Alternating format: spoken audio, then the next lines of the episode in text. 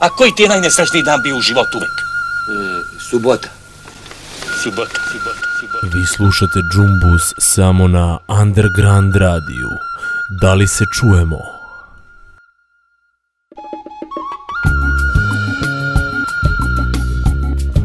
Pozdrav dragi undergroundovci, subota je 20. mart, tačno je 16 časova što znači da slušate još jedan džumbus, da li se čujemo? Sloboda medija predstavlja civilizacijski i kulturni okvir jednog društva. Ona je temelj demokratije i predstavlja poligon kako za slobodu govora, tako i za slobodu mišljenja. I ako se držimo ove teze, možemo zaključiti da se naše društvo nalazi u mraku, mrklom mraku. Ti, ustani. Reci laku noć ocu, majci, sestri i bratu. A zašto laku noć, Dani? Za tebe noć. Mrkla noć. Jasno. Jasno? Laku noć.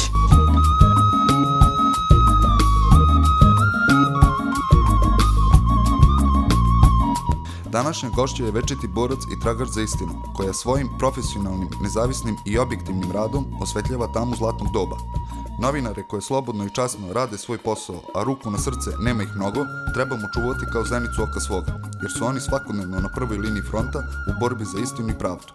Oni su tu samo zbog nas, a Džumbus je danas samo za nju, našu dragu gošću Anu Lalić, novinarku portala Nova S.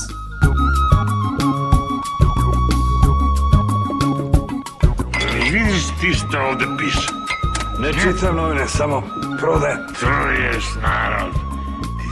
Pokretni čelo. Ne pusti čoveka, pa nije on pisao ta sranja. A i dileri heroina ne prave heroin. Samo ga prodaju. To je tačno. To je, ta, to je tačno. Novinare.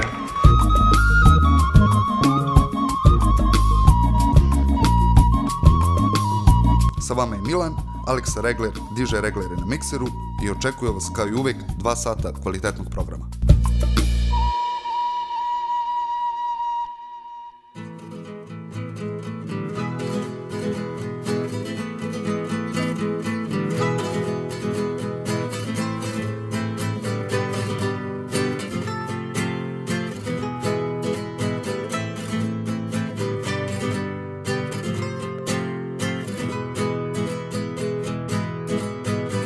Protiv ugnjetača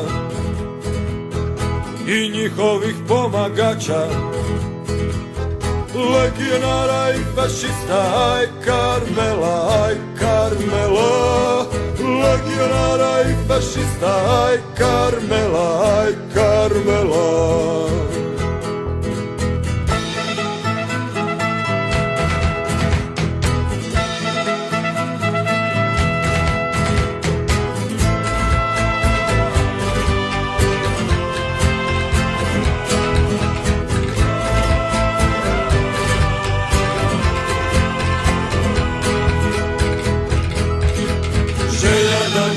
samo jedna.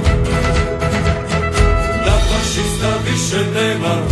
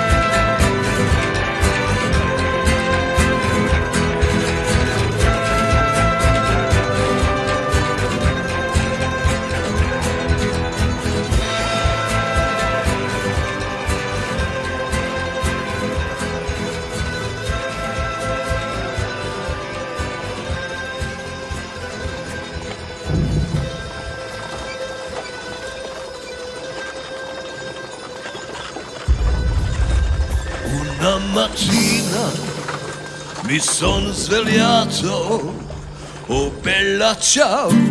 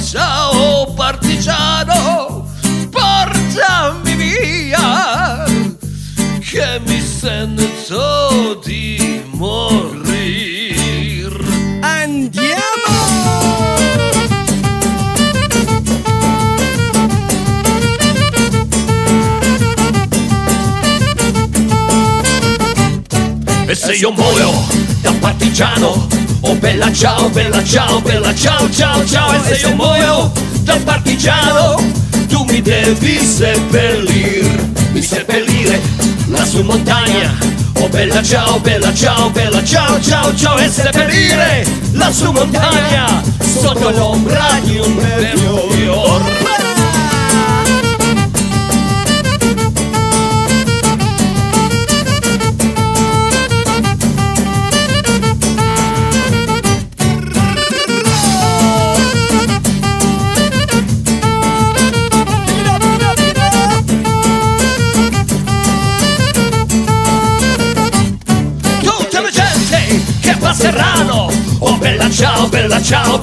ciao, ciao, ciao Tutte le genti che passeranno Mi diranno che bel fior. E questo è il fiore del partigiano.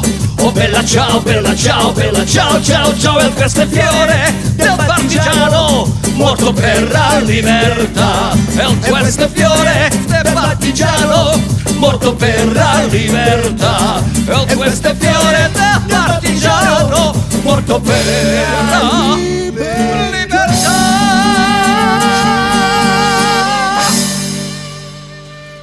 Smrt fascizmu! Per i nostri amici in Italia andrà tutto bene.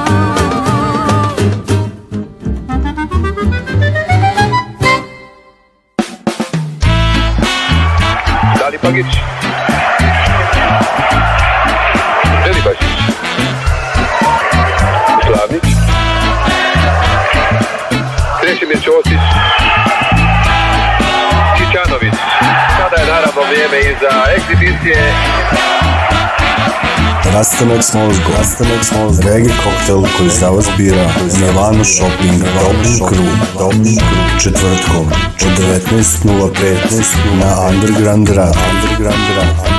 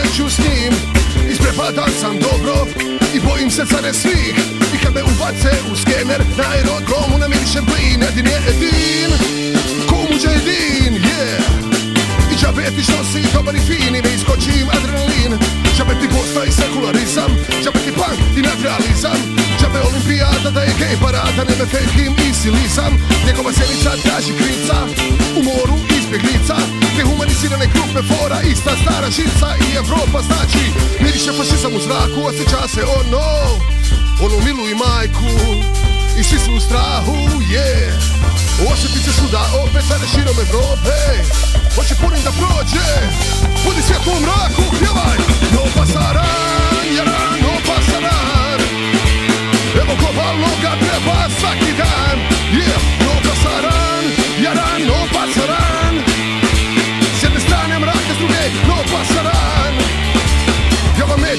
sad neko ne je prošlo Opet ono mrš balio i do mene došlo. Ubi Srbe, ono gazi Hrvata Jude u fize se ni staroga rata. Čuj do mene došlo, care to sam mainstream Pogledaj vijesti i komentare i česti. Bitno gdje si, jer ima ga svugdje Bitno je kad si, kad ti u društvo uđe. 90-oj, u 40-oj Par stoljeća nazad kalifat fura retro to. Možda ti ipak draži dron, dronizam Izrael, fazon, setlerizam I ti jedan zid il kriv, malo putinizam Vidi se fašizam u zraku, osjeća se ono Ono milu i majku. I svi su u strahu, yeah. Osjeti se svuda, opet care širom Evrope. Hoće punim da prođe Budi svjetlo u mraku. No pasaran, jaran, no pasaran Evo globalno kad treba svaki dan. Yeah, no pasaran, jaran, no pasaran S jedne strane mrake, s druge no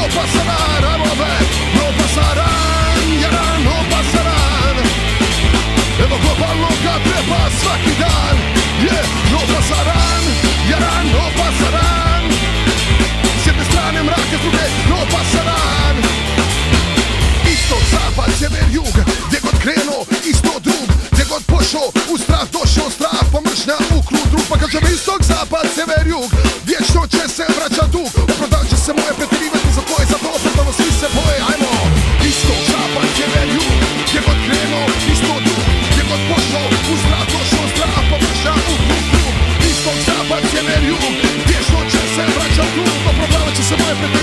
pretirivati za tvoje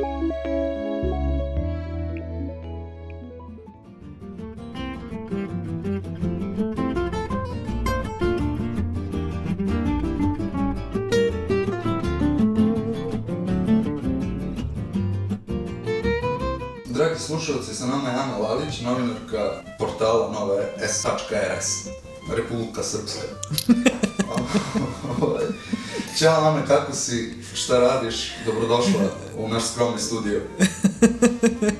Ćao i tebi i slušalcima. Sad sam super. Ovaj, tako da ne znam, sad ću da vidim šta ćeš da mi radiš, pa ću to ja da radim, ali ovaj, za, za sad uživam u vinu i u dobrom društvu. E sad ja dobro društvo. ovaj, Ja sam ljubazan sagovornik. da, hvala, laži onda.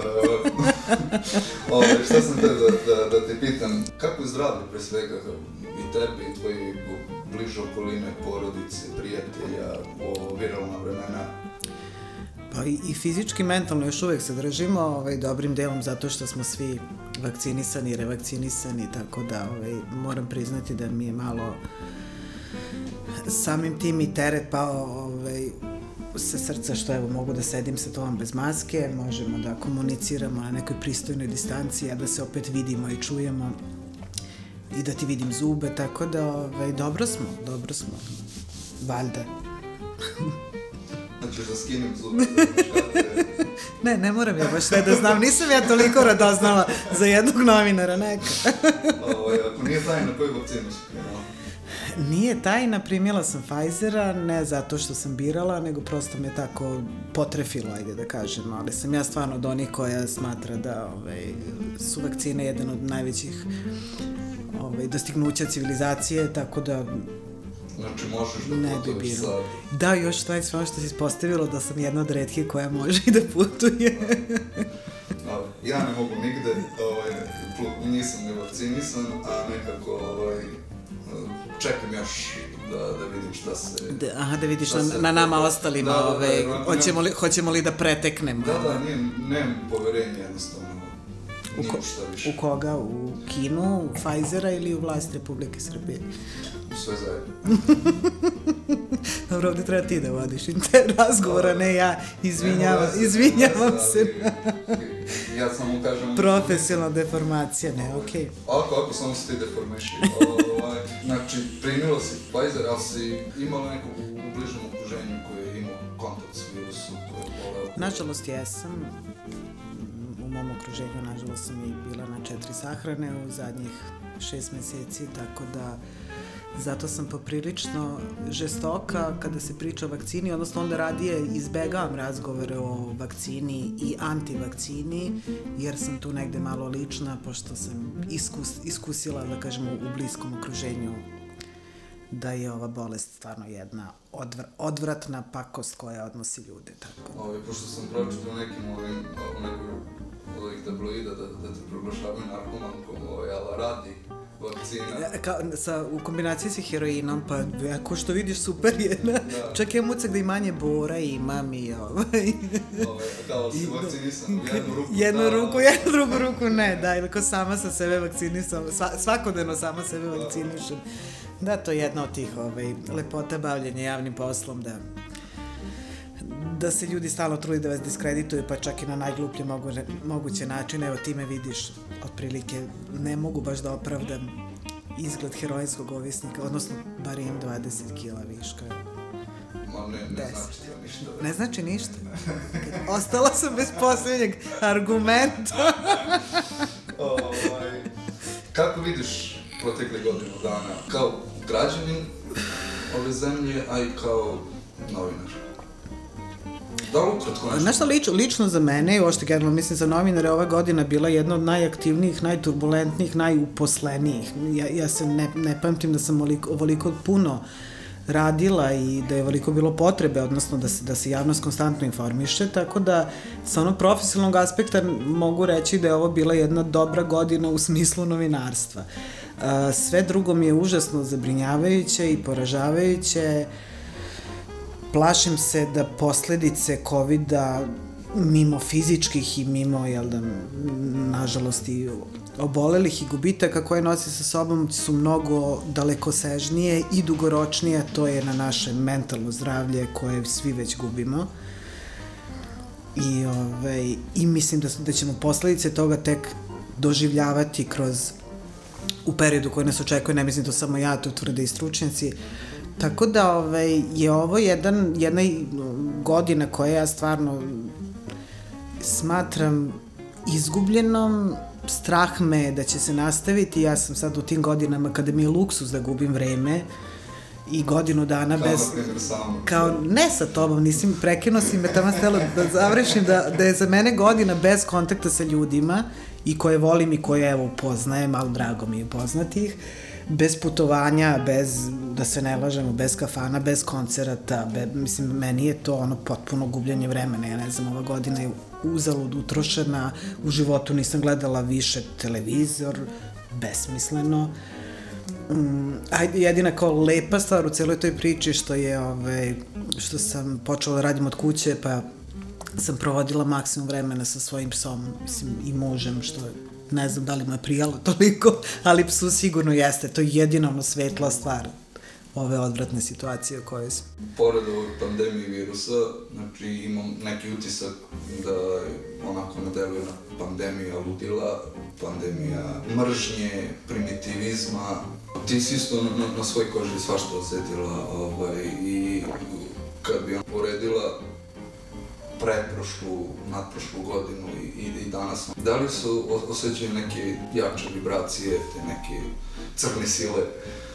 Pa osjećaju se zato što je ova godina, mislim, vrlo i situacija u kojoj se svi nalazimo je jedno najplodnije tle za širenje svake vrste mržnje uz to i manipulacije ljudima. Znači, samim tim mi smo svedeni i primorani na, na to da, da smo da smo ono, bukvalo bombardovani informacijama svakodnevno koje više niko ni ne proverava, koje nismo u stanju da filtriramo, više ne možemo ni da biramo šta gledamo i šta slušamo, jer do te mere intenzitet ove, info, informisanja, odnosno bombardovanja je nekontrolisan, da, da smo ispočeli sami u sebe da sumnjamo. Samim tim dodatna nervoza sa činjenica svi mi zatvoreni, manje više jesmo zatvoreni ovaj, u svojim kućama, je od nas napravila ljude koji su podložni agresiji, podložni su konfliktu, što opet se sve jako lepo i vrlo ove, često koristi od strane vlasti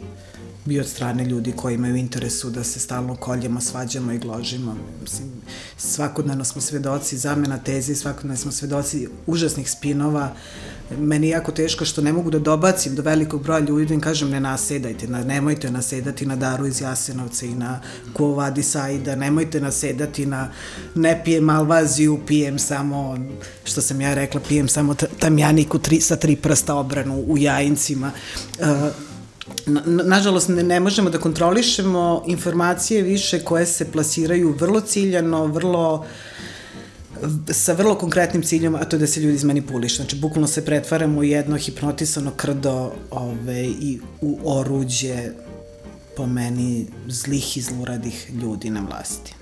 Meni je interesu koju stvari Ana Lalić, mislim svako zna da si profesionalni novinar koji radi svoj posao jako dobro, ali kako si postala tako dobar novinar, kako si odlučila za novinarstvo, kako si, ko je te đavo tero da, da, da, da izabereš ovako jednu dobru časnu profesiju kad je radiš časno normalno koji svaka druga onda je časno. Pa nešto, ova Ana Lalić je ista bila i pri 1. aprila i, ovaj, i danas, ali nažalost nekako me ljudi percipiraju i vezuju za taj datum i za taj za, taj, ove, za tu situaciju hapšenja gde se ispostavio da ja praktično nisam postojala svih ovih mojih 44 godina prethodnik, a posledno poslednjih 20 godina ja sam aktivno u novinarstvu i to u dnevnom novinarstvu. Uh, I zaista sam dobro radila taj posao isto kao i sada što ga radim. Mislim, podjed, podjednakim, vođena prosto podjednakim postulatima uvek i nekim kućnim vaspitanjem koje je osnova svega što ja radim, živim, govorim i pokazujem. E, tako da, ovaj, lepota, lepota tog života pre 1. aprila jeste bilo u tome što je dosta ljudi znalo za taj neki potpis i za tu neku novinarku, ali se nije povezivala sa mojim likom. I ovo je sad odjednom ta, to da ja postajem taj rockstar i kao neko ko je prepoznat na ulici je mene prvo mi užasno ne prija, jer mi komplikuje posao. Mnogo je bolje kada ljudi ne mogu da vas povežu sa onim što čitaju. Mene su godinama su mislili da je to taj neki Lalić. Dok sam bila šef dopisništa u Blicu, pa sam kao da je tako muški pisala, pa, a pošto je išao potpis A. Lalić, ovaj, godinama sam bila valjda taj neki Aleksa, Aleksandar ili ne znam šta. Aca. I, o, Aca jeste, za prijatelja Aca. A, tako da, ovaj, meni nedostaje to vreme anonimnosti jer je bilo lakše raditi ovaj posao. A, zašto sam u ovom poslu je pitanje koje ja sebi vrlo često postavim, posebno zadnjih poslednjih par ovaj, godina. Jednostavno, najiskreniji odgovor bi bio da ne znam ništa drugo da radim. Barem ne ovoliko dobro i u ovoj meri. Ove, do, potičem iz porodice profesora književnosti, gde se nešto, sve sestre, znači mama i otac su mi profesori književnosti, sestre su mi profesor književnosti, ja sam jedina koja je nesvršeni student profe, ove, književnosti, Profesora. profesora književnosti, jer je meni to bilo dosadno. I kad sam rekla svom ocu da je meni Miloš Crnjanski dosadno i te da priča sa mnom tri meseca. Dobro, I, razumem. ovaj, e, tako da sam onda ono kao kontajući šta je, šta je nešto gde bi ovaj, gde bi, što povezuje neko i pisanje i, i nešto da mi je život vezan za jezik, a da to nije ovaj, profesura ili ne znam, mislim, ja sam čovjek koji mrzi da ustaje ujutru i samo pomisao mene u nekoj učionici gde zlostavljam ono kao klinci jer sam ja nervozna što ustanem ujutru nije bila prihvatljiva, tako da je nas bilo nekako logičan sled da se okušam u njemu. Imala sam tu sreću da ovaj, moj otac pokojni je takođe bio novinar u jednom periodu svog života, gde sam prosto se probala i ispostavilo se da mi to ide i, nima, i što je interesantno, počela sam kao novinar Crne hronike.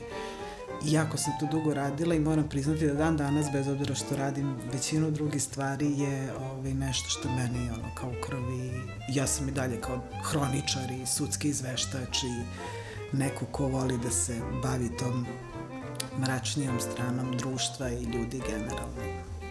To je zanimljivo svakako, a i realno šta se čita u novinama, to je crna hronika i sport. Sport, hronika i čitulje, da. Da, čitulje. Pa, Tako ti su i raspoređene, ne, od- da, ali ovo... Da, ali i te čitulje spadaju opet u neku crnu hroniku. Facebook za... Pa za, za da, da. Facebook za matorce.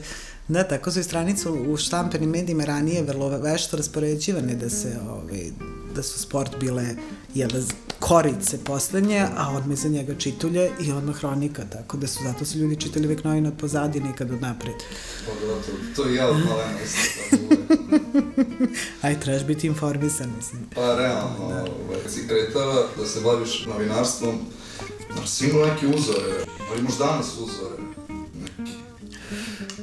Kad sam kretala imala sam uzore, mislim ja, ja sam ovaj, spadam u tu generaciju gde je novinarstvo još, ov- još sam imala sreće da uhvatim novinarstvo u Srbiji koje je zaista i dalje bilo jedna čestita i časna profesija sa vrlo jasnim pravilima i vrlo jasnim kriterijumima i vrlo jasnim postulatima.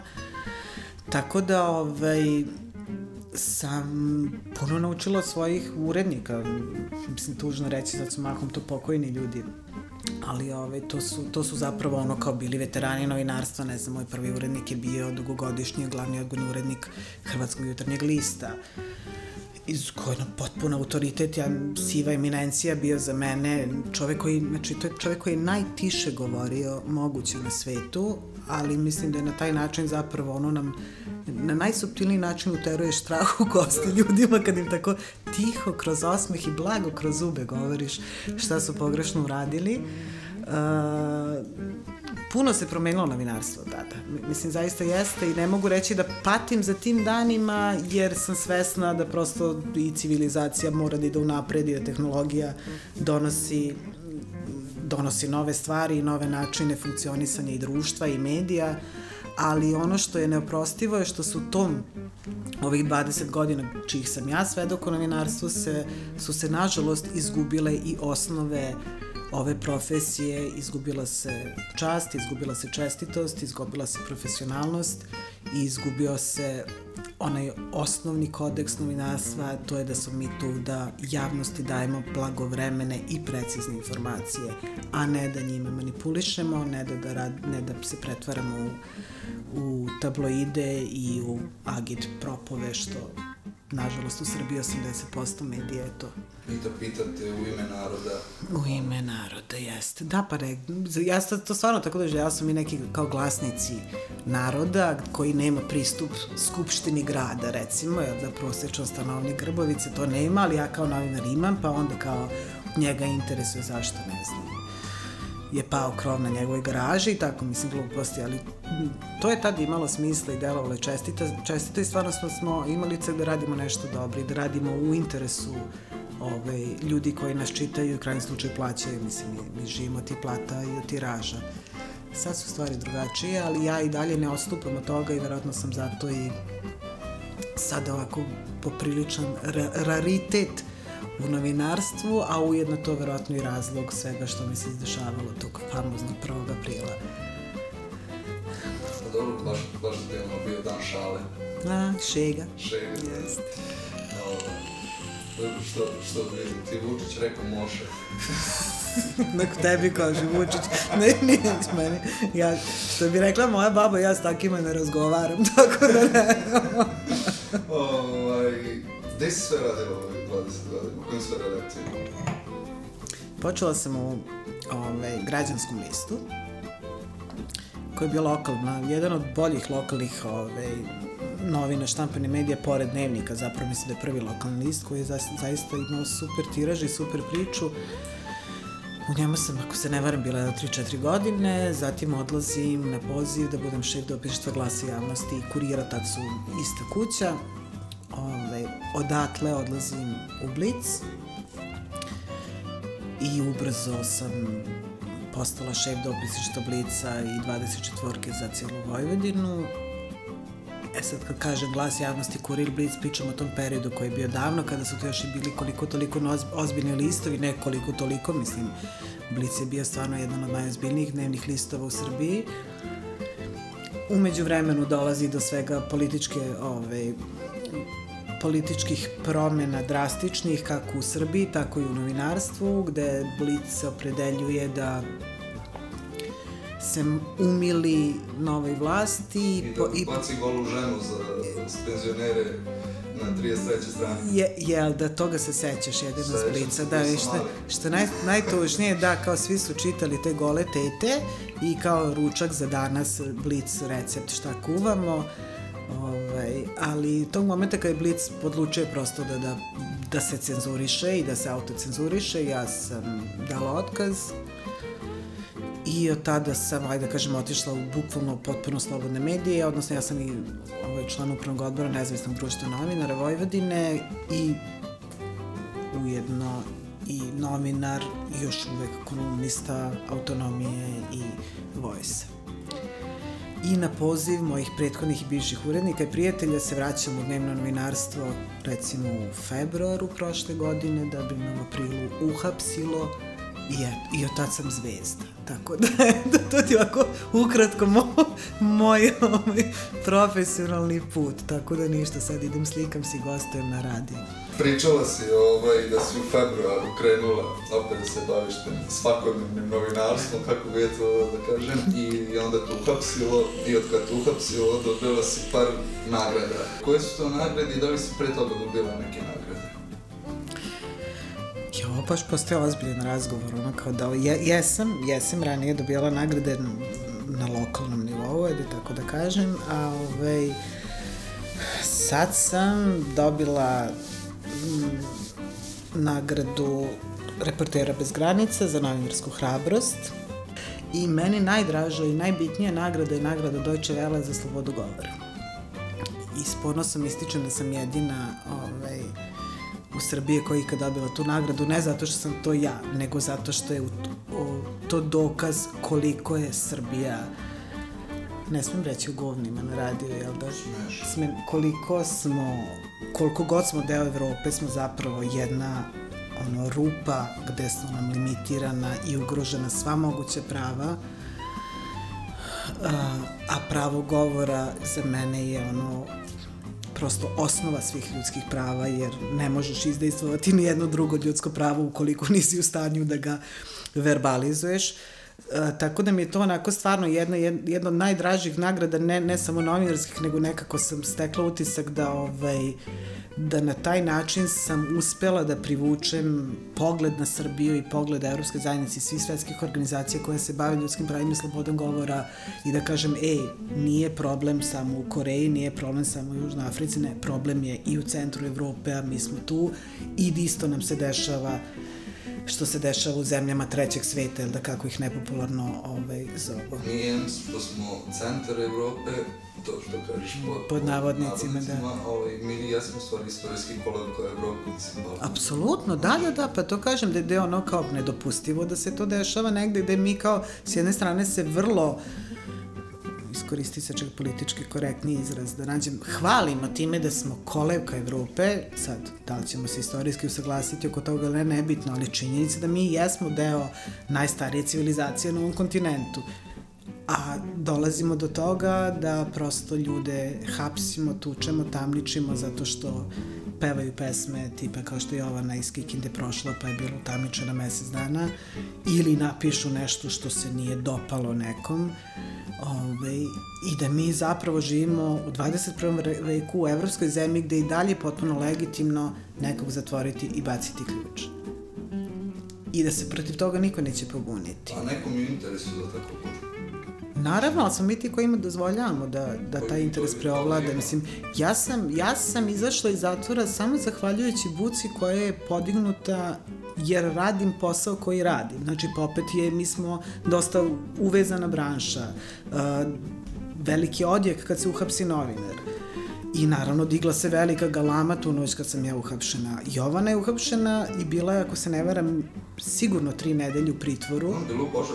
Ne znajući, ali čak ne znajući, bez prava na posetu bez prava ono na razgovor. Ona, ona praktično nije ni znala šta se njoj sve stavlja na teret. Mislim, jedno potpuno bezazleno stvorenje koje je uhapšeno na osnovu nekog usmenog upozorenja nekog lokalnog pandura. Mislim, e, to je ono što je jezivo. Gde mi živimo u zemlji gde su takve stvari moguće, a ono što je jezivije od ovakve zemlje i od ovakve vlasti je narod koji to dozvoljava. Pa, to nam je u krvi. Šta nam je u krvi, da budemo pi... Slabo da Pa nije htjela ni htjela tako sve stvari. Ovaj. tako je, tako je. Zaboravila ste reći da sam sremica i da mi je jezičina i temperament. Ovaj. ovaj. A kako si ti sremica kad si rođena Valjevka?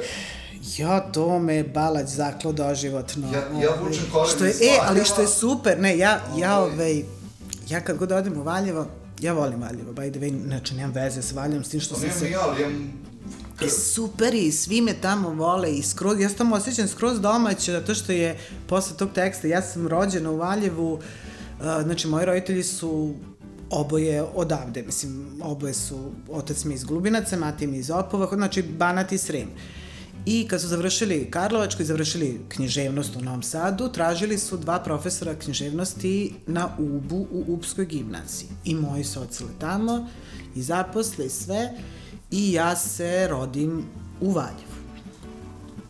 Međutim, to je kratko trajalo, mi se vraćamo svi za Novi Sad I mislim, ja sam osnovnu školu završila u Kamenici i sve, tako da ja, a pritom ja u Valjevu nisam nikad ni živela, ja ne znam, mislim, pa se, da sam provela dva dana, mada Valjevičani vrlo lepo i čisto da, da, pričaju. Tvrde da kao ovaj, najtačnije pričaju. Ovaj, da, da, to je večiti spor između njih i nije ne, Užičana, nego koga.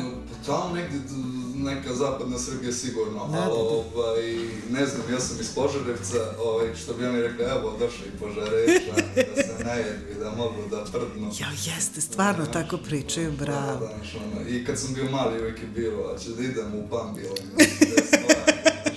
evo, svoj Marko Milošević. Da, tako malo nazalno pričaju, Da, tako da. kroz nos malo, ali ovaj, ne, divan grad i divni ljudi i moram priznati da... I divan vazduh. U Valjevu, da. ne, ali ono što mi je lepo, što je, što je za mene super, je susret mene i, i ovaj, Aleksandra Obradović u Valjevu na jednoj tribini ne, nije nedavno. Mislim, to nešto nakon mog hapšenja, pa to kad su okupili kao nas, nas junake i strane plaćenike i državne izdajnike na jednom mestu i ovaj, I onda mi je bilo strašno da meni prilaze ljudi, njegovi valjevčani, da čestitaju meni, javljaju se meni, da se slikaju sa mnom, njemu niko ne prilazi. I to sam im strašno zamerila. To se ne radi. Znači, to je tvoj sugrađanin, to je čovek koji, by the way, ja ne da nisam heroj, ja sam, mislim, smešna u odnosu... Što bi rekao Bora Todorović, ti si samo profesionalac. Pa dobro, da, ne htjela sam opet da opsujem, ne znam šta mi je, zašto, ali neću, ali inače ne psujem, ali, ovaj, tu, tako sam, sam, Valjevu sam to zamerila, što, kažem, što, što su nekako prevideli da je zapravo pravi heroj i pravi igrač u njihovom dvorištu i u njihovoj, ali imaju divan temperament, imaju super mentalitet, imaju snagu, imaju kočevitost, ali ne znam šta ima. Ali, pazi, to je problem malog mesta, ovaj, tu se manje više svi znaju, ovaj, to je onako, slovno što kažeš, čaršija, i, da. ovaj, i dosta ljudi radi tamo u Šiku, radi u tim gradskim upravama, ovamo, ono, svi su manje više, svako ima nekog negde i ovaj, nekako postoji sigurno taj strah da, da ga... Dobro, i ti misliš da, da ćemo mi negde stići dokle god funkcionišemo na principu Drugo što ja mislim, nego ja samo konstatujem da je tako. Ne, razumem, Dakle, razumem te i slažem se, ali ja mislim da je to da je to dobrim delom osnova našeg problema što nismo što ne reagujemo da zaštitimo svoje što što smo toliko izgubili svaku empatiju za za naše ljude, za naše prijatelje, za naše komšije, što smo izgubili muda da stanemo uz njih. Koliko god smo uvereni, a jesmo uvereni u njihovu čestitost, a, prosto mi zaslužujemo sve ovo što nam se dešava. Pa ja, ja, treba ovako da bude, što bi rekao onaj uh, iz, Aran, iz Aleksica, ovaj da nešto snima u Beogradu, kaže, gde ide ovaj narod, gde žuri, ako vam ovo živo, da Bog doživjeli 200 godina. da, ne može biti grđa kletva zapravo toga u pravu je. Tako da mi ovo zaslužujemo. Pa ne, da, znaš, ali, ali da- stalno mi kao naš, mi kao prvo nam je bio, nam je kriv, kriv nam je bio Milošević, jedno 10-15 godina je bio kriv Milošević za sve, za sve naše neuspehe u životu, lične, za sve, sve je bio Milošević. Ajde onda kao sad jebi ga ipak I je- dalje je kriv. E sad su malo i ovi krivi, a njima je kriv Milošević, na njima je kriv Đilas, a Đilasu je kriv Milošević, pokušam, pokušam da napravim kao neki logičan sled. Uh, znači sve... Ali je kriv Tito, pa kraj A da, Aleksandar, pa tako možemo u nedogled ići. do Stefana Nemanje velikog, a pre šta je bilo Stefana, koga briga, jer su isti ti Nemanjići sve pobrisali. Eto, i onda posle pita zašto nam je Tako da smo i zakružili zapravo cirkus, zašto ne, šta, nas, šta nas čudi što nam je ovako, ali ta, to izbjegavanje lične odgovornosti i, i ove biranje nečinjenja a, i mirenje tako sa svim što nam se dešava je naša najveća sramota. Ja kažem, ja stvarno ne mogu da budem besna ni na koga na vlasti. Mislim, mogu i to lično jesam, ali ne mogu optužiti Aleksandra Vučića za ovo kako mi živimo. Jer je opet sve u stvari izbora, znači, tako da zaista nije Vučić kriv meni, da li ja imam... nije kakav narod, takva vlast. Pa da, to je ono kao ružno reći i onda kad ja to kažem, onda mi kolege uvek nešto nagrade da ja tu grešim, ali ja stvarno iskreno i stojim za toga i mislim to. I uvek se podsjetim, ja sam pre, pre ovog mog novinarskog ovaj, izleta od 20 godina, živjela sam u Italiji, odselila sam se bila u Italiji, živjela sam tamo 5 godina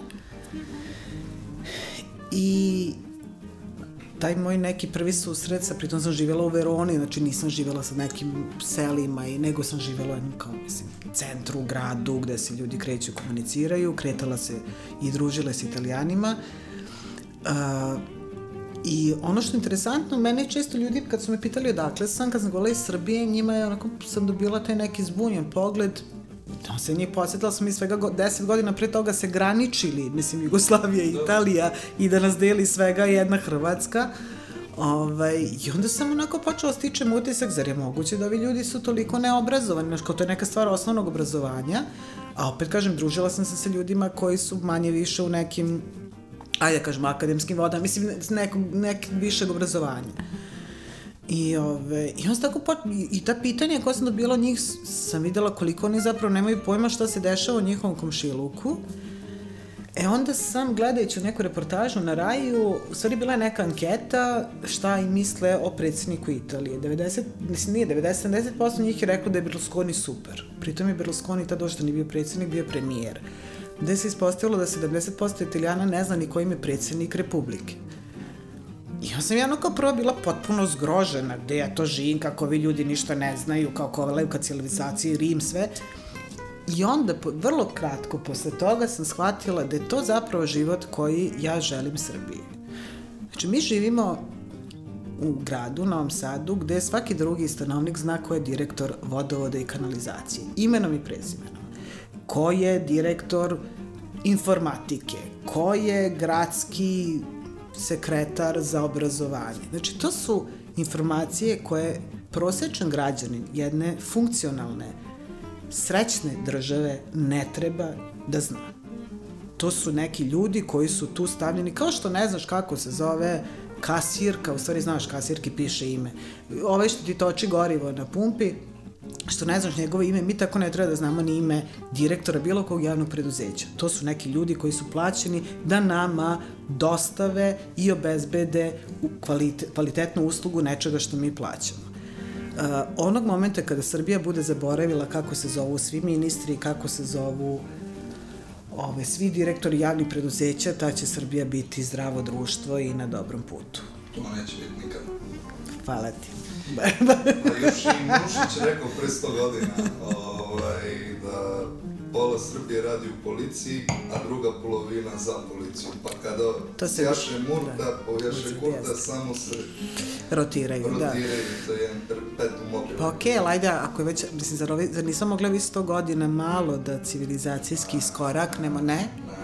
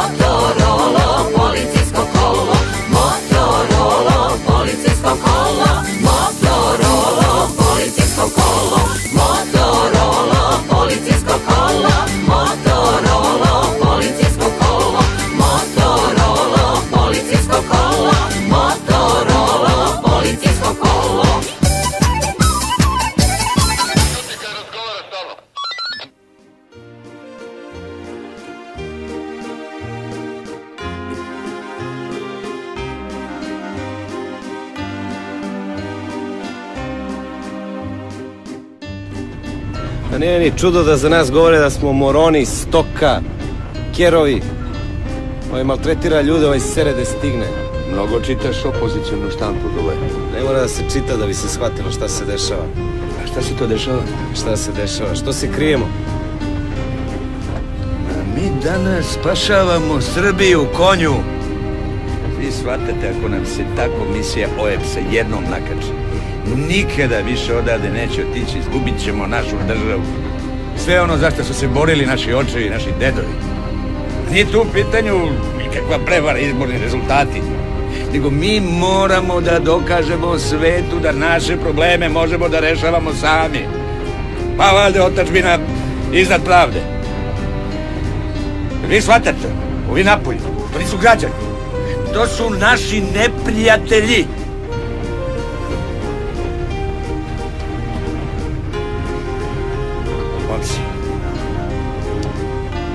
Sutra je uskrs. Ne znam hoćemo li ga svi zajedno dočekati i zato hoću sada da vam kažem. Hristos Voskres. Vaistinu voskres. I vama takođe, gospodine Majore, to poštujem. Za koga? Za Srbiju. Za koga? Za Srbiju! Za koga? Za Srbiju!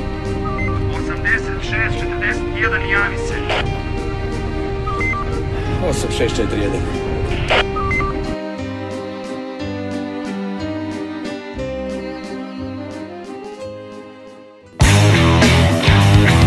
Ajde, čekaj, stani, stani, stani. Domus. Domaća muzička scena.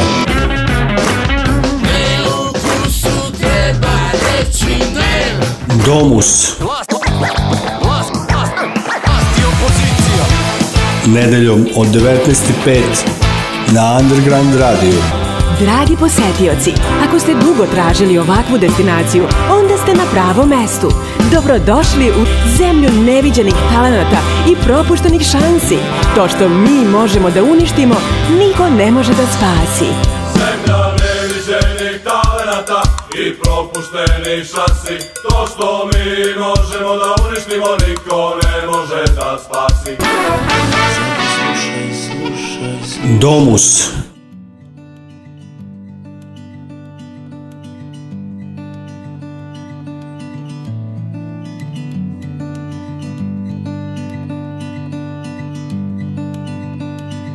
Puls je stao na sekund da sačeka vijest što dolazi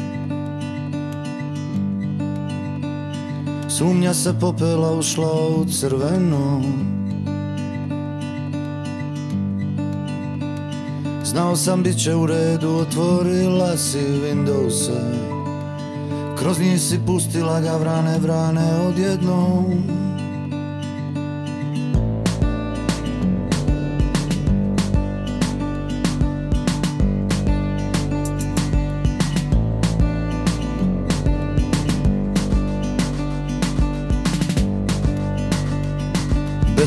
Kuliranja molim pokaži sve što osjećaš. Ja ne razumijem sebe ni tebe ni ostale ljude. Previše pažnje posvećujem na izgled nevažnim stvarima. Previše snova me splelo u mrežu i nemam adute U ovom svijetu, od sebe prokletom svijetu Što poziva se na Božje, dok suče mačeve nožine Na ovoj divnoj planeti, što se brani i sveti I pravi pokrete grube, Samo da pokaže zube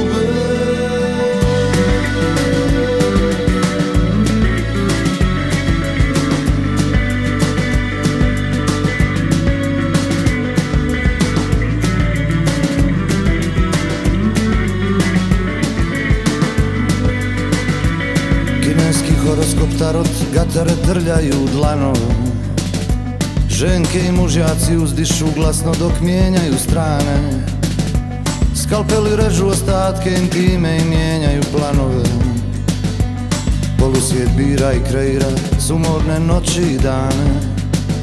U ovom svijetu, od sebe prokletom svijetu Što poziva se na Božje, dok sunče mačeve nožine Na ovoj divnoj planeti, što se brani i sveti i pravi pokrete grube Samo da pokaže zube U ovom svijetu Od sebe prokletom svijetu Što poziva se na Božje Dok suče mačeve nožine Na ovoj divnoj planeti Što se brani i sveti I pravi pokrete grube Samo da pokaže zube Sve što vrijedi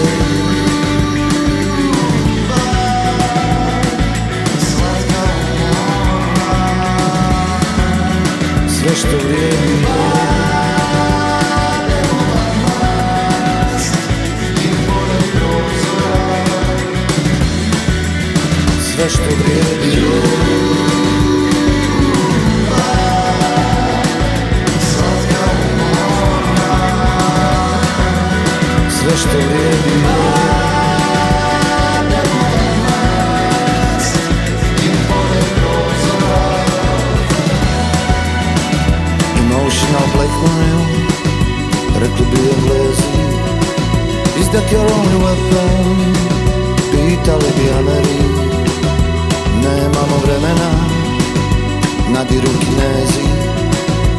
popravi šminku I nasmih se kameri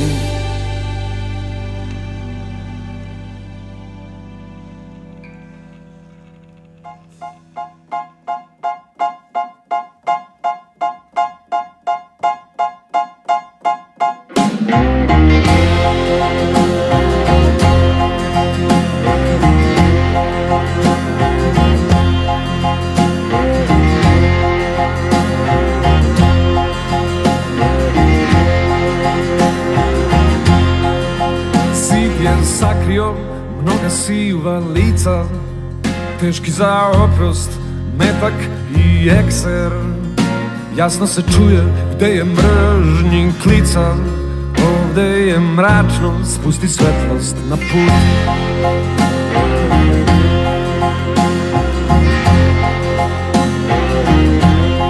Dan je sagoreo i ulice su puste. Pisao sam s hrada sa mirisom parfema. Sada stojim pred vratima šume.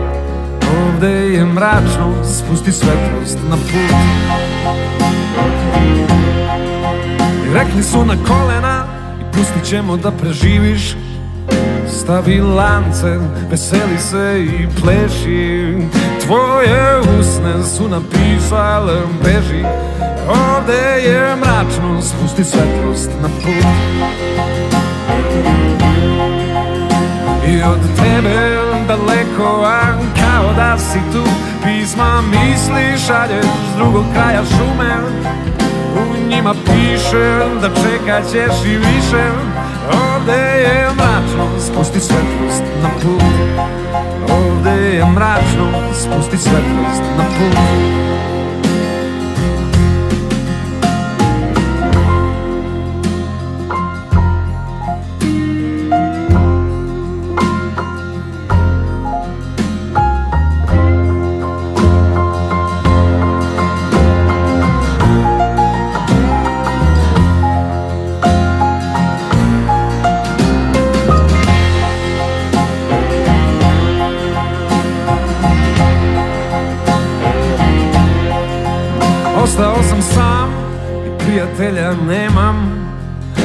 Nazad ne mogu, napred da idem moram.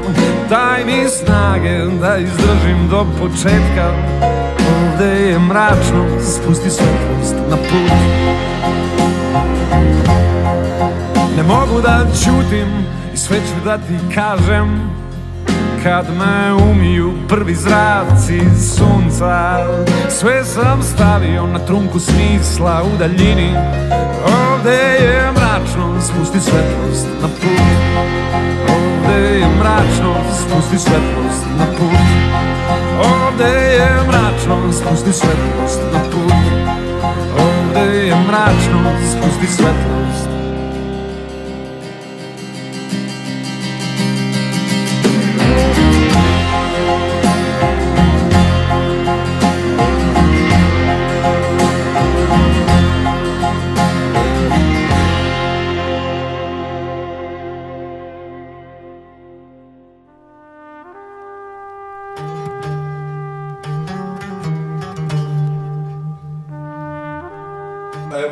smo da pričamo o nagradama, došli smo do ovde. Ovaj, dobila si nagradu zbog prvoaprilske šale, a da li uh, u svojoj dugoj i više uspešnoj karijeri, da li onako da samo sebi dodeljuješ nagrade, ovaj, za koju bi priču sebi dala neku nagradu? Nešto pa ne Ili da li imaš neku priču koja možda nije prepoznata, gde si se baš iscinila, da isto bio nekog rizika, gde je... Ne, imam, imam je, sad mi je prvo, mislim, idem bukvalno što mi je prvo palo na pamet, znači ne, ne idem unazad 20 godina, ovaj, uh, imala sam dosta dobri priča i nesporno je to, ali priča koja je meni, uh, ne mogu reći najdraža to što je vrlo teška bila, ali najbitnija meni u karijeri, posle koje sam rekla da stvarno ne moram više se bavim novinarstvom, to je moj odlazak u Novi Pazar i u Tutin u junu mesecu, gde sam zapravo prva otišla u Sanđak, da, gde se dešavao potpuni pomor od korone, dobrim delom krivicom vlasti, dobrim delom krivicom stanovnika koji prosto nisu shvatili šta im se dešava, nisu se dovoljno brzo javljali lekarima, ni bolnice koja je potpuno nespremna za sve to. Znači, jedna od, jedna od emotivno najtežih priča koje sam ikad uradila, opet sam mi uspela vrlo profesionalno da isteram, do kraja uh, i priča koja je puno promenila. Znači, ja sam tekst objavila to veče ovaj, u hotelu u Novom pazaru, nikad ne zaboravim, sam sedela na krevetu uh, i nisam mogla da, jako mi bilo teško da se uspregnem emocije da bi napisala tekst kakav jeste i kakav treba da bude, lišen mog ličnog stava i lišen mojih ličnih emocija. Bilo mi je strašno teško da to uradim. Uh, Novi Pazar je mahom većinski ovaj, bošnjački grad gde su ljudi ovaj, islamske veroispovesti i nema alkohola u njemu, što je u tom momentu bilo vrlo teško podneti, jer ja sam sama tamo, uh, i sedim na tom krevetu i plačem, jer je meni tog dana čovek umro pred očima od gušenja, umre od korone, mislim, ali umre pred, mi je pred očima zato što u tom momentu Dom zdravlja Tutin nije imao vozilo saniteta koje bi ga prevezlo u bolnicu Novi Pazar. Od dva vozila, jedno je tada bilo već recimo u Užicu da je transportovalo pacijenta, a drugo nima ko da vozi jer je vozač tog vozila prethodnog dana sahranjen takođe je umro od korone. I taj čovek se u invalidskim kolicima je stariji gospodin bio, njega je sin ovaj, dovezo privatnim autom i dogurao go tako dom zdravlja ide ispred mene lekarka i tehničar koji ne mogu ništa da urade. Ali čak negde i pomireni, njima je to njima je to ono postala svakodnevna situacija koju su oni viđali ti dana, tako da on, nisu oni ni dramili, nego mi govore, kaže, evo vam, kaže, evo sin je dao dozvolu da dođete, pozvali smo, ja sam sedela u drugoj prostoriji sa njima pre toga, i onda je doktor došao po mene, kaže, kao evo, imamo dozvolu da dođete, da prisustujete ovome, gde ovaj, oni njemu stavljaju, mislim, taj pulsni oksimetar na prst, koji ne može više da izmeri uopšte oksida, mislim, nivo kiselnika i u krvi i puls. I taj sin tako očan, kaže šta da radim, oni kažu vozite ga u pazar, mislim, pritom dom zdravlja Tutin nema ni respiratore, nema ništa što bi moglo, niti kiselnik da može da mu pomogne. I on kao vozite ga svojim privatnim autom u pazar, to je jedino što, što možemo sugerisati. Pritom između Novog pazara i Tutina je neki 40 km puta, ali taj put je vrlo krivo da tu se taj teren je dosta nepristupačan. Međutim, to je već bilo kasno, mislim da njemu se videlo, kažem, predavno mi on već umro.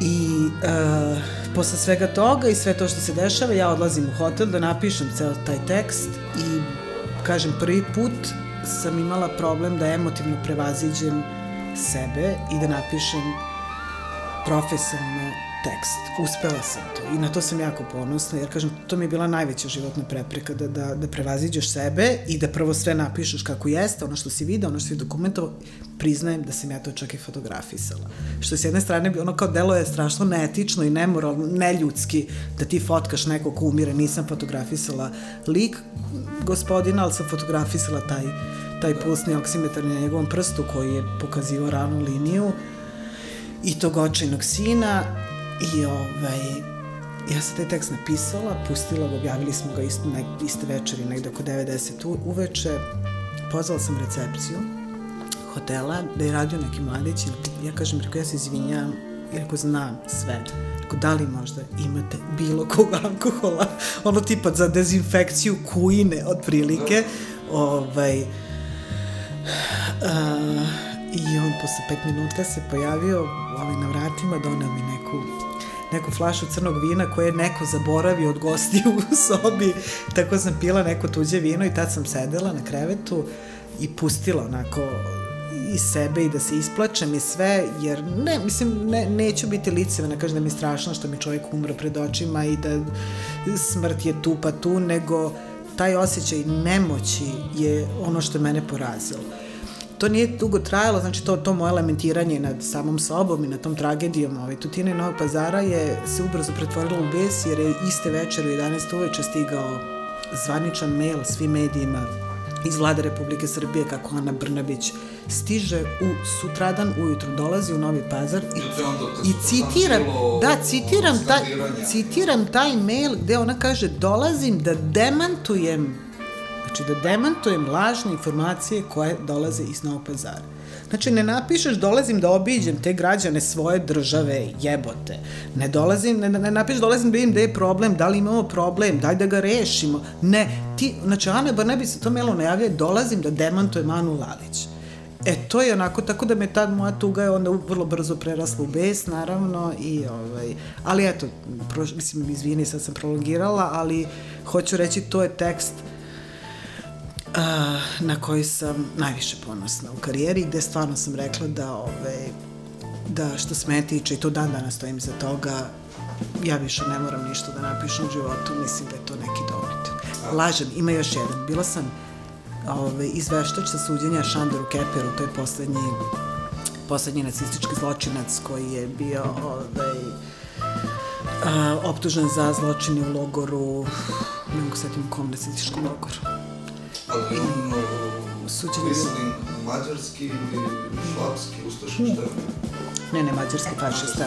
Šandor od njegove suđenje u Pešti, prije sad možda ima već 15 godina, ali to je bukvalno poslednji ovaj, nacista traže na Vizentelovoj listi nacista. I doživjela sam, eto i tu verujem, stvarno istorijsku priliku da prisustujem suđe, onako ninbreško suđenju, da. ovaj, i o tome sam izveštavala, da sam još bila u Blicu i eto, Tako da, neskromna sam, ali meni stvarno, mislim, sad nisam neskromna, to, možda sam čak i skromna, meni je ovo dosta.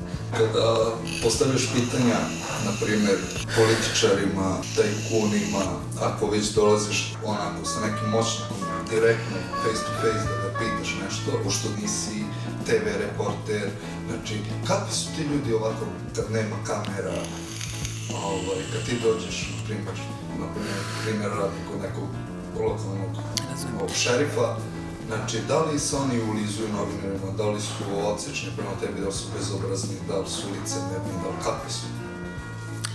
Pa zavisi. Mislim, licemerje jeste neka, da kažemo, zajednička osobina većini, ali, ali stvarno zavisi. E, ja nisam, ja nisam od onih novinar, koliko god me tretiraju da sam ovaj, poprilično kučkasta, nisam. Ja nisam zlonameran čovek i nemam ništa protiv da, ove, da čujem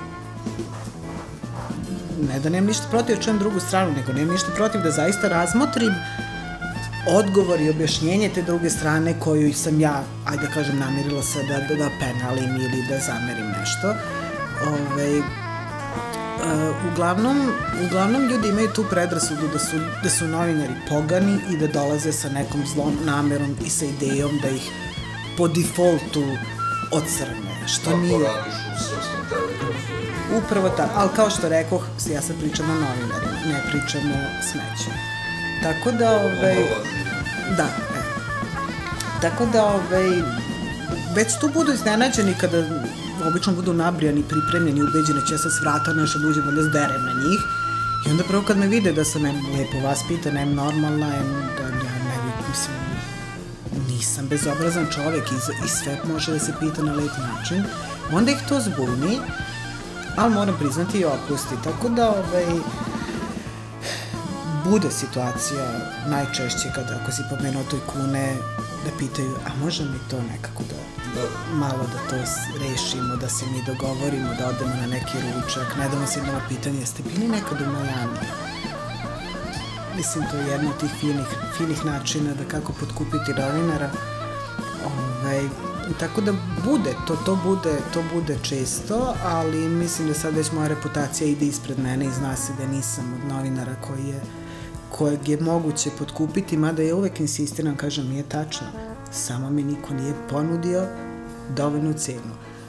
Recimo kuću u Istri. Tako da, evo, evo ekskluziva, pošto se sad priča, pošto sam vrlo često sada ovaj, prozivana da sam ekspert za Galens i da je neko ko se bavi poslovanjima firma Galens i onda se priča po gradu da mi je Galens kupio stan da bi me učutkao da ne pišem o tome više što je okej, mislim, legitimno, svako može da priča šta hoće i onda sam ja takođe zamolila da se po ovom istom gradu priča da meni Galens nije kupio stan i da to prosto nije tačno, ali da ću rado da razmotrim ukoliko mi Galens ponudi jednu ozbiljnu kuću gde mogu da napravim mali hotel, hostel u Istri, tad već možemo da sednemo da A razgovaramo. i taj stan ovaj, u Novom Sadu, da možemo daš ja da se prebacimo kod tebe, ovaj, Možete, da. i- za neku normalnu Mo- cenu kiriju. Možete, ono, baš- akustika je odlična, pošto Galens gradnja samo najkvalitetnije, kako već im piše tamo to što oni grade, humano stanovanje, tako da. Boli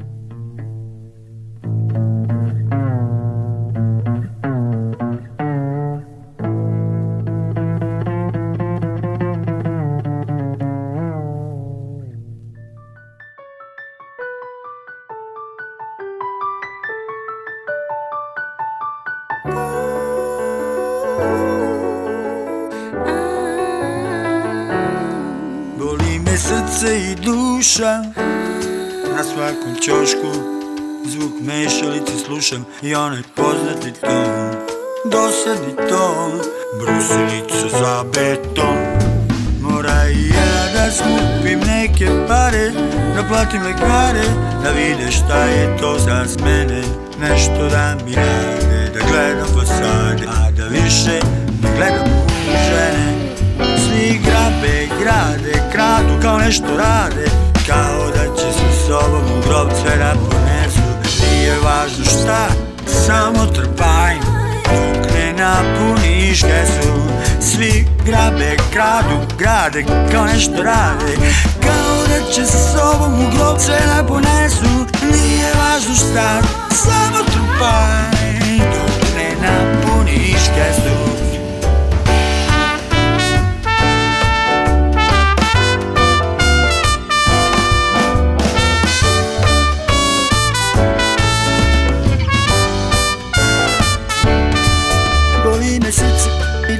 me O, kako smo u svi. Stalno su prednosti, neke lažne vrednosti Tako glupo život prolazi Svi grade, gradu, grade, kao nešto rade. Kao da će sa sobom u grob sve da ponesu. Nije važno šta, samo trpaj Dok ne napuniš kesu. Samo grabite, grabite, za pare će sve da radite. Za pare bi govna jeli, ubijali bi kad mi sveli. Da bi imao u društvu bolji položaj, uzmi i decu i dupe prodaj. Evo komšija ti je uspešan, zovi ga na slavu, nek te pred familijom kecu u glavu. Ti samo čuti, on je u pravu. I pusti ga nek se spadeži gađa, on je moćan, lovo oslobađa. Bićeš moćan i ti samo izdrži dok te tako karaju, dok ti ženu i čerku karaju, a možda i sina. To je gospoda fina, da nas svašta ima. Svi grabe, kradu, grade, kao nešto rade Kao da će sa sobom u sve da ponesu. Nije važno šta, samo trpaj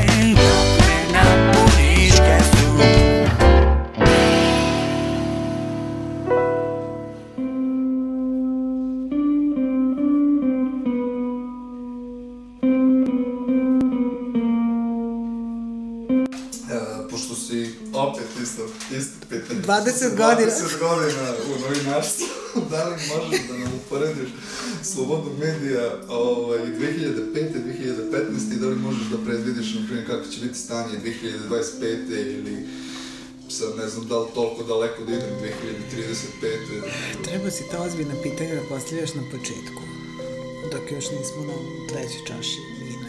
Polako, tako, ja, tako, da, bitno je da se e, o ozbiljnim stvarima priča iz srca, a samo pijan čovjek to može. Ja volim da pijem, se nikad ne, ali ne se napijem. Sam freak control. Uh, ovaj, prvo mi je strašno kada moram da razmišljam toliko unazad, onda sam svesna koliko sam ja zapravo matora, ja i dalje nešto sebe ne doživljavam tako. Nedavno sam kritikovana kad sam rekla da je sada stanje u medijima i slobode medija i slobode govora gora nego za vreme Slobodana Miloševića. I onda me uvijek na to podsjete, tada je ubijen Slavko Ćuruvije. I Dada Vojsinović. Nesporno, znači tad su novinari ubijani, nesporno, sad nas ne ubijaju. Uh, I Slavko Ćuruvije, i Dada, i Milan Petrović, ako se ne varam, uh, ni Panić, izvinjam se, su ubijeni jer su radili svoj posao, znači nisu cenzurisani, ni, nije ih se uspelo zaustaviti. Danas u Srbiji vi nemate slobodnog, slobodni medij. Znači, ja konkretno radim za, kako bi rekao, Vučić za Đilas. I Šolaka, jel da, to, to, mi, to je super, zvuči Đilas i Šolaka, biva se Butthead, ovaj, Mirko Slavko. Mirko Slavko, ono, vole. da, kao tako želim da zamnaš, uvek idu Đilas, Šolak i Đilas. Ovaj, ja radim za kompaniju United Media, koja fakat jeste, mislim, sedište nam u Briselu i onda sve kako, kako se kaže, ali radim za jednu ozbiljnu medijsku korporaciju. Mi se stvarno trudimo i mislim da smo jedini koji insistiraju i dalje da se da se ove, izveštava objektivno, ali smo vrlo često prisiljeni da se branimo.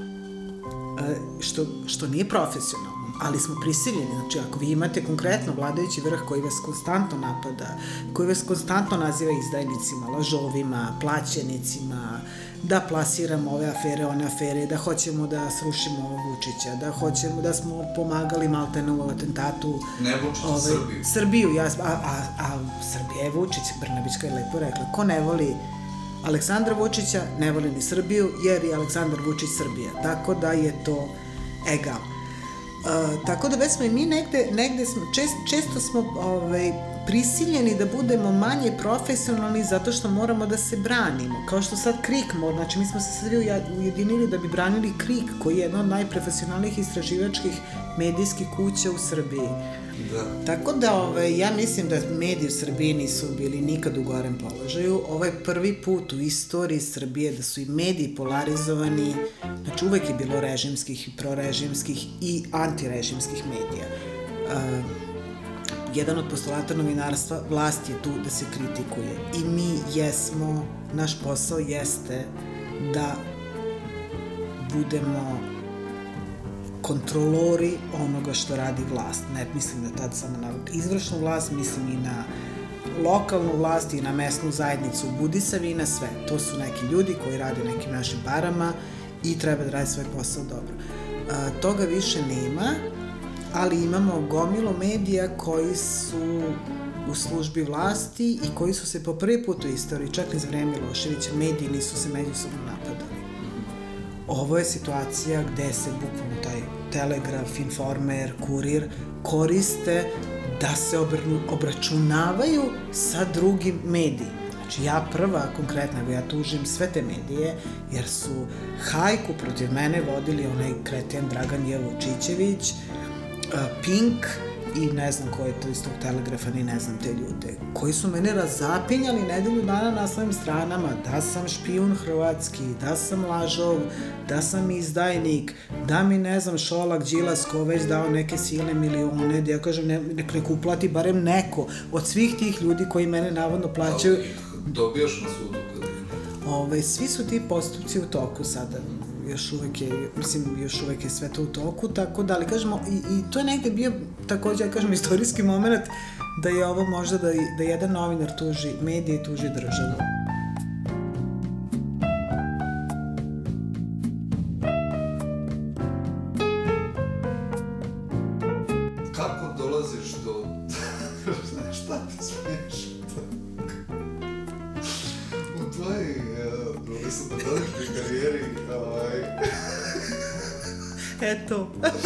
Znam.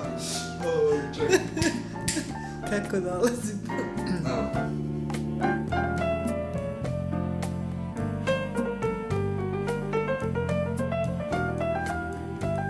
Kako dolaziš do izvora? Da li ti se sami javljaju? Kako uopšte dolaziš do dobrih priča? A, Da li imaš ono, neko šesto čulo da trebaš nešto istraživati ili ako već istražuješ neku temu pa naletiš na nešto veliko ili ti se jednostavno same priče do tebe dolaze? Ajde, to ti pitam. Pa ne, ovaj, U tvojoj 20 godišnjoj karijeri pitam te za, za ovaj, kako se zove.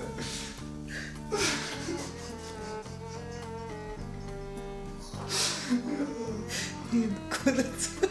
Na tamo se krula ozbiljno ti odgovaram da, da, Čekaj, ovaj, ozbiljno, ozbiljno način. e, vremenom se izvežba i oho i, i oho. Lepa stvar. Tajno i oho lepo. Tajna dobrog novinara i oho lepku. A tigar, Carbofix. ekonomski tigar lepa. Da. Da.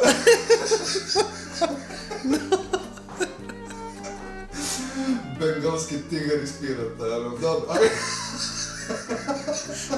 Imaju na tigrova mast za rumu. Što je vrlo u kontekstu priče. dobro, Naime. kako dolaziš do dobre priče? A, dobre priče su generalno svuda tu i samo je pitanje da li smo u stanju da ih prepoznamo i to mislim da čini razliku između uspešnog i dobrog novinara i onog manje uspešnog i manje dobrog novinara. Uh, vremenom se prosto čovjek izvešti i ume da prepozna, dovoljno je da, da čuje neku naziv neke firme, naziv neke osobe ovaj, i da prepozna da se iza toga sigurno krije nešto, nešto da, dalje i nešto dublje. E, tako da ovaj, većina priča koje ja plasiram s tim što imam tu prednost da živim u Novom Sadu, koji je relativno mali grad i svi se poznajemo i do mene dolazi gomila informacija. A i Srbija nije mnogo veća, realno. ne znam, ja pričam o Vojvodini, ne, ne znam šta se dešava kod vas u Srbiji i Požarevcu. Ove, tako da priču uvek imam. Ja, ja imam problem što, imam, što kod mene je više nedostatak vremena, a ne nedostatak priča. Moram priznati da ima puno ljudi koji mi se obraćaju što sa informacijama, što sa tim da podelim neke njihove životne priče, jer sam negde prepoznata kao novinar koji se ne libi da, da piše i onome što nije popularno i trenutno društveno prihvatljivo, odnosno što je protiv vlasti ove zemlje.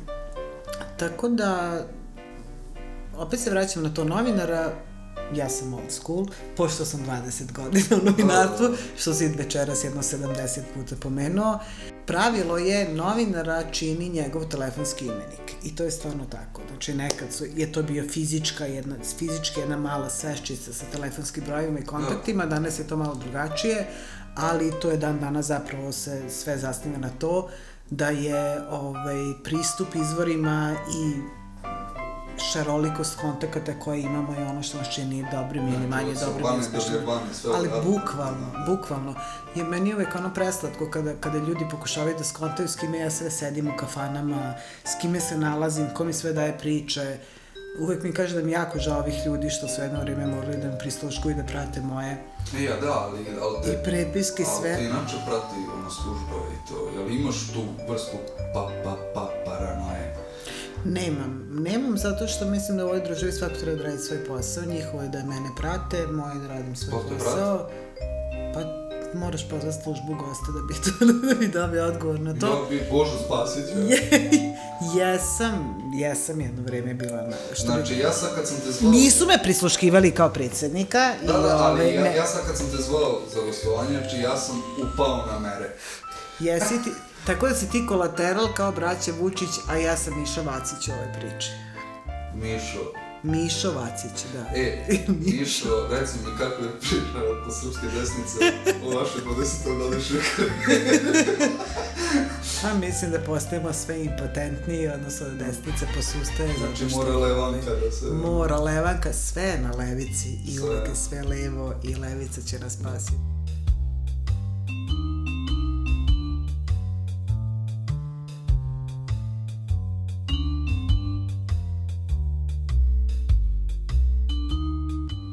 Kakvi su ti planovi za budućnost? Kako životni, tako profesionalni? Mislim, ovo kad dobiješ ovaj stan od Galens. Kao da smo u ženskom magazinu, takvo je pitanje. Hello. Nisi me pitao šta sam u horoskopu, što je logično posle ovoga. Nebitno. Ovaj, ja sam čovjek koji ne pravi planove. Dobro, onda šta imaš da kažeš za... šta imaš da poručiš slušalcima Underground radija i Jumbus emisije? vrlo bitnu stvar, da su ovaj, povelje ljudskim pravima počinje tako all mens are created equal. Prevešće, znači svi smo mi rođeni jednaki. Sve dok... To si ti dodao. Ja sam stavila tačku da smo svi rođeni jednaki. Pred kime god, rođeni smo jednaki. I da sve dok ne budu bili spremni da se bore za svoja prava, ljudska prava, civilizacijska prava, koje, se, koje nisu zagarantovana samo zakonom, nego zaista civilizacijskim postojanjem nama neće biti bolje. Tako da ustanite, dignite svoje lepe guzice, sva svoja nezadovoljstva iznesite na ulicu, artikulišite ih, recite ih, vičite ih na sav glas, insistirajte na promenama i učestvujte u istim. Znači, budite odgovorni, budite deo društva koje želite da izgradite. Da bi, postali, da bi postali zdrava nacija, moramo da imamo zdrave institucije i na vama je da se za to izborite. Hvala ti.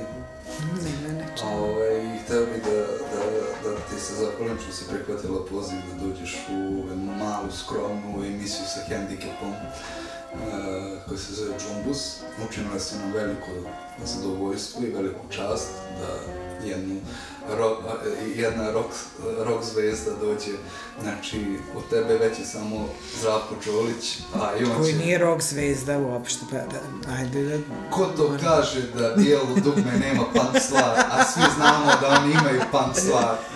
Ne, ja samo insistiram, mislim, ja, ja sam morala cijelo večer biti politički korektna. E, tako da bi ova moja od, odjavna reč zapravo zvučala. Izađite na ulicu, podignite guzice i borite se za sebe i za ono što vam je vredno.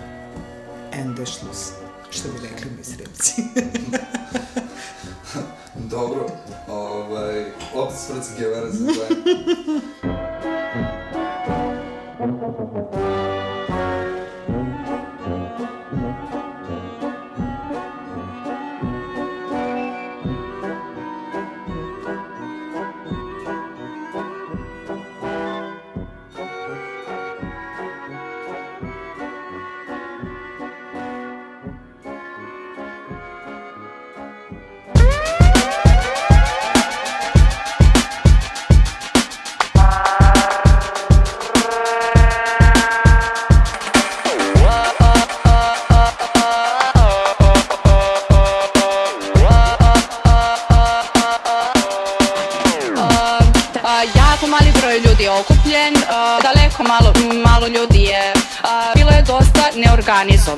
leave.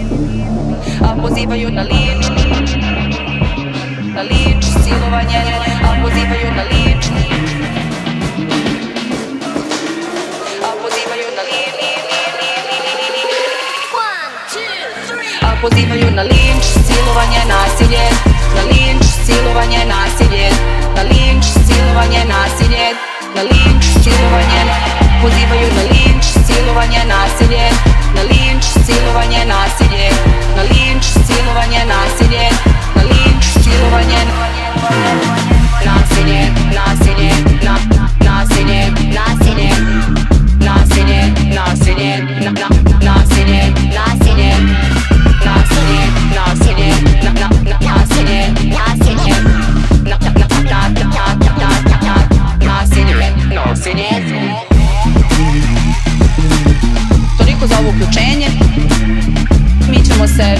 kroz neko vreme sa druge lokacije. Sa druge lokacije.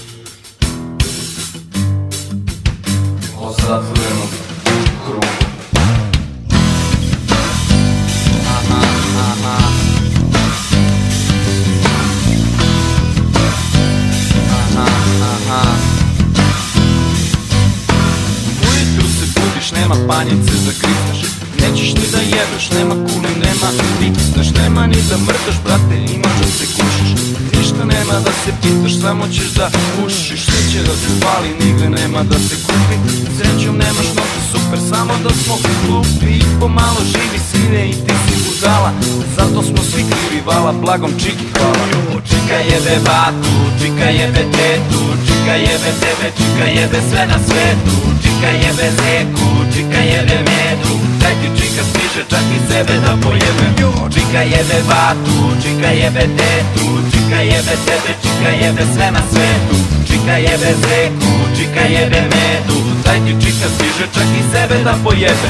Ono što si čuo, čuo, vidio što si vidio Zaboravi svaku lepu priču, navikni na sranje Ti bi da se kupaš lepi, može malo sutra. Ti ćeš u bedaku, nema vopsi, nema butra Sve što je bilo lepo, sada bit će ružno. Nešto ti je bilo smešno, sada to je tužno. Ima da se tronješ, nema petla kukurike. Sve će bre da nema bre, sve zbog jednog jušike Čika jebe batu, čika jebe tetu Čika jebe tebe, čika jebe sve na svetu. Čika jebe zeku, čika jebe medu Daj ti čika stiže čak i sebe da pojebe Nju čika jebe batu, čika jebe tetu Čika jebe tebe, čika jebe sve na svetu. Čika jebe zeku, čika jebe medu. Daj ti čika stiže čak i sebe da pojebe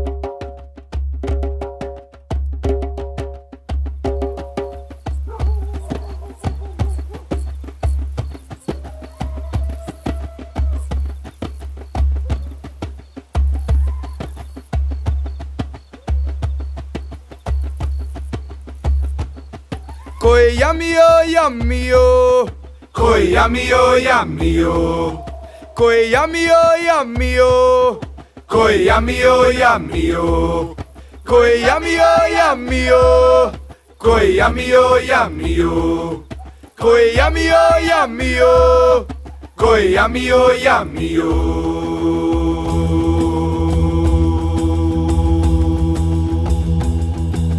Cosa mi ha da credere?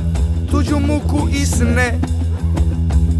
Rekli su ko sam ja da kradem? i ubili me. A krali smo naš četiri brata i bratski dijelili plijen. Oni su krali malo više, a ja sam bio lijen. Kad smo pali, bila je greška. Pogriješio sam ja, zaspao na grani, nenaspavan Probudilo me deset pjesnih pasa ispod stabla na kom sam bio ja. Nije mi bilo spasa. Nije mi bilo spasa.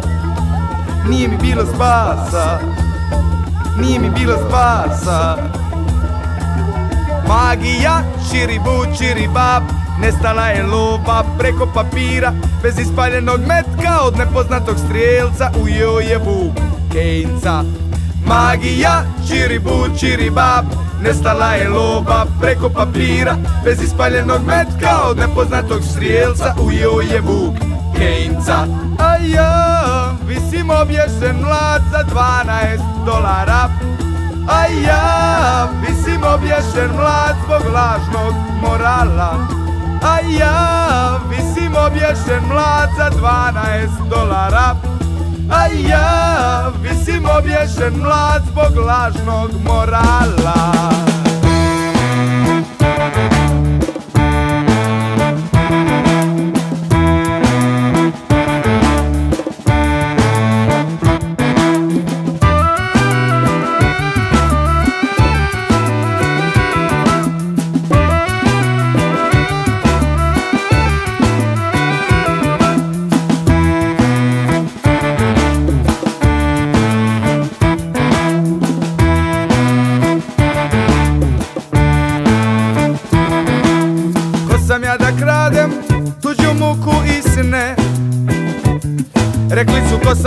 crowded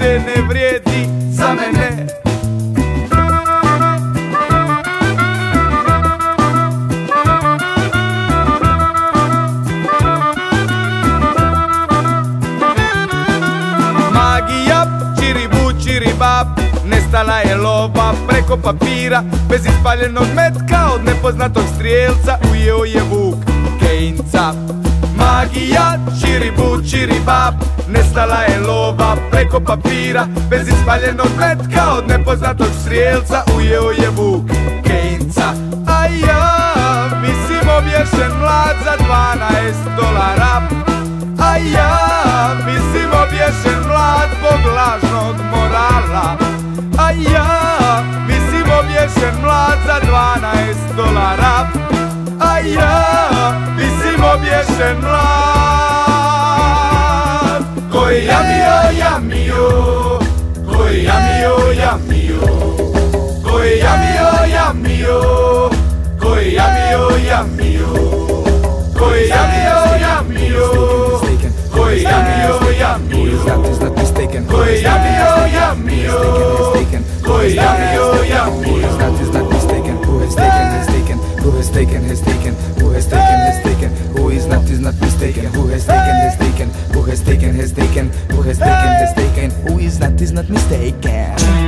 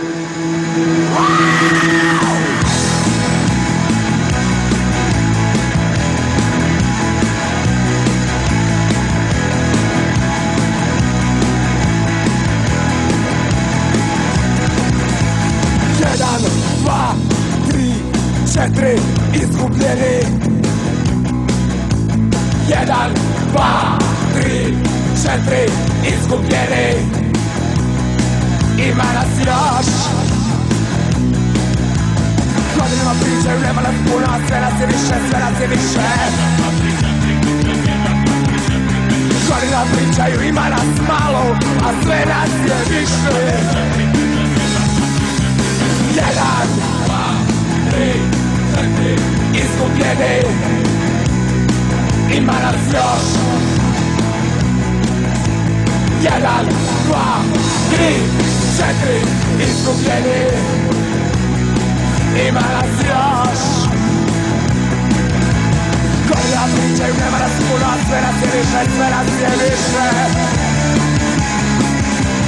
Μόλι να βρήκε η ουφένα σε μάγε ασφένα σε μίσες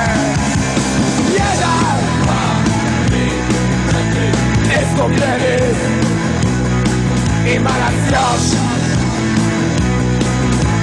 Jeden, dwa, trzy, cztery i pokrewnych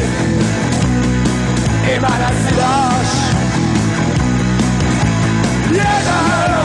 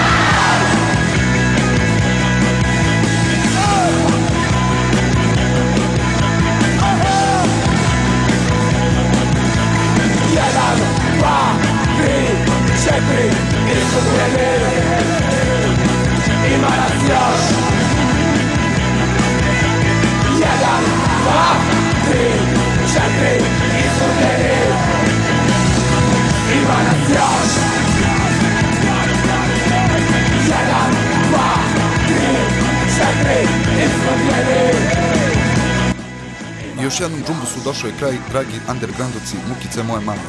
Što se tiče odjave, nju sam napisao još pre pet godina, samo za ovu epizodu, premijerno, samo na Underground Radio. Uživajte, glasovi iz unutrašnjosti među šljivama.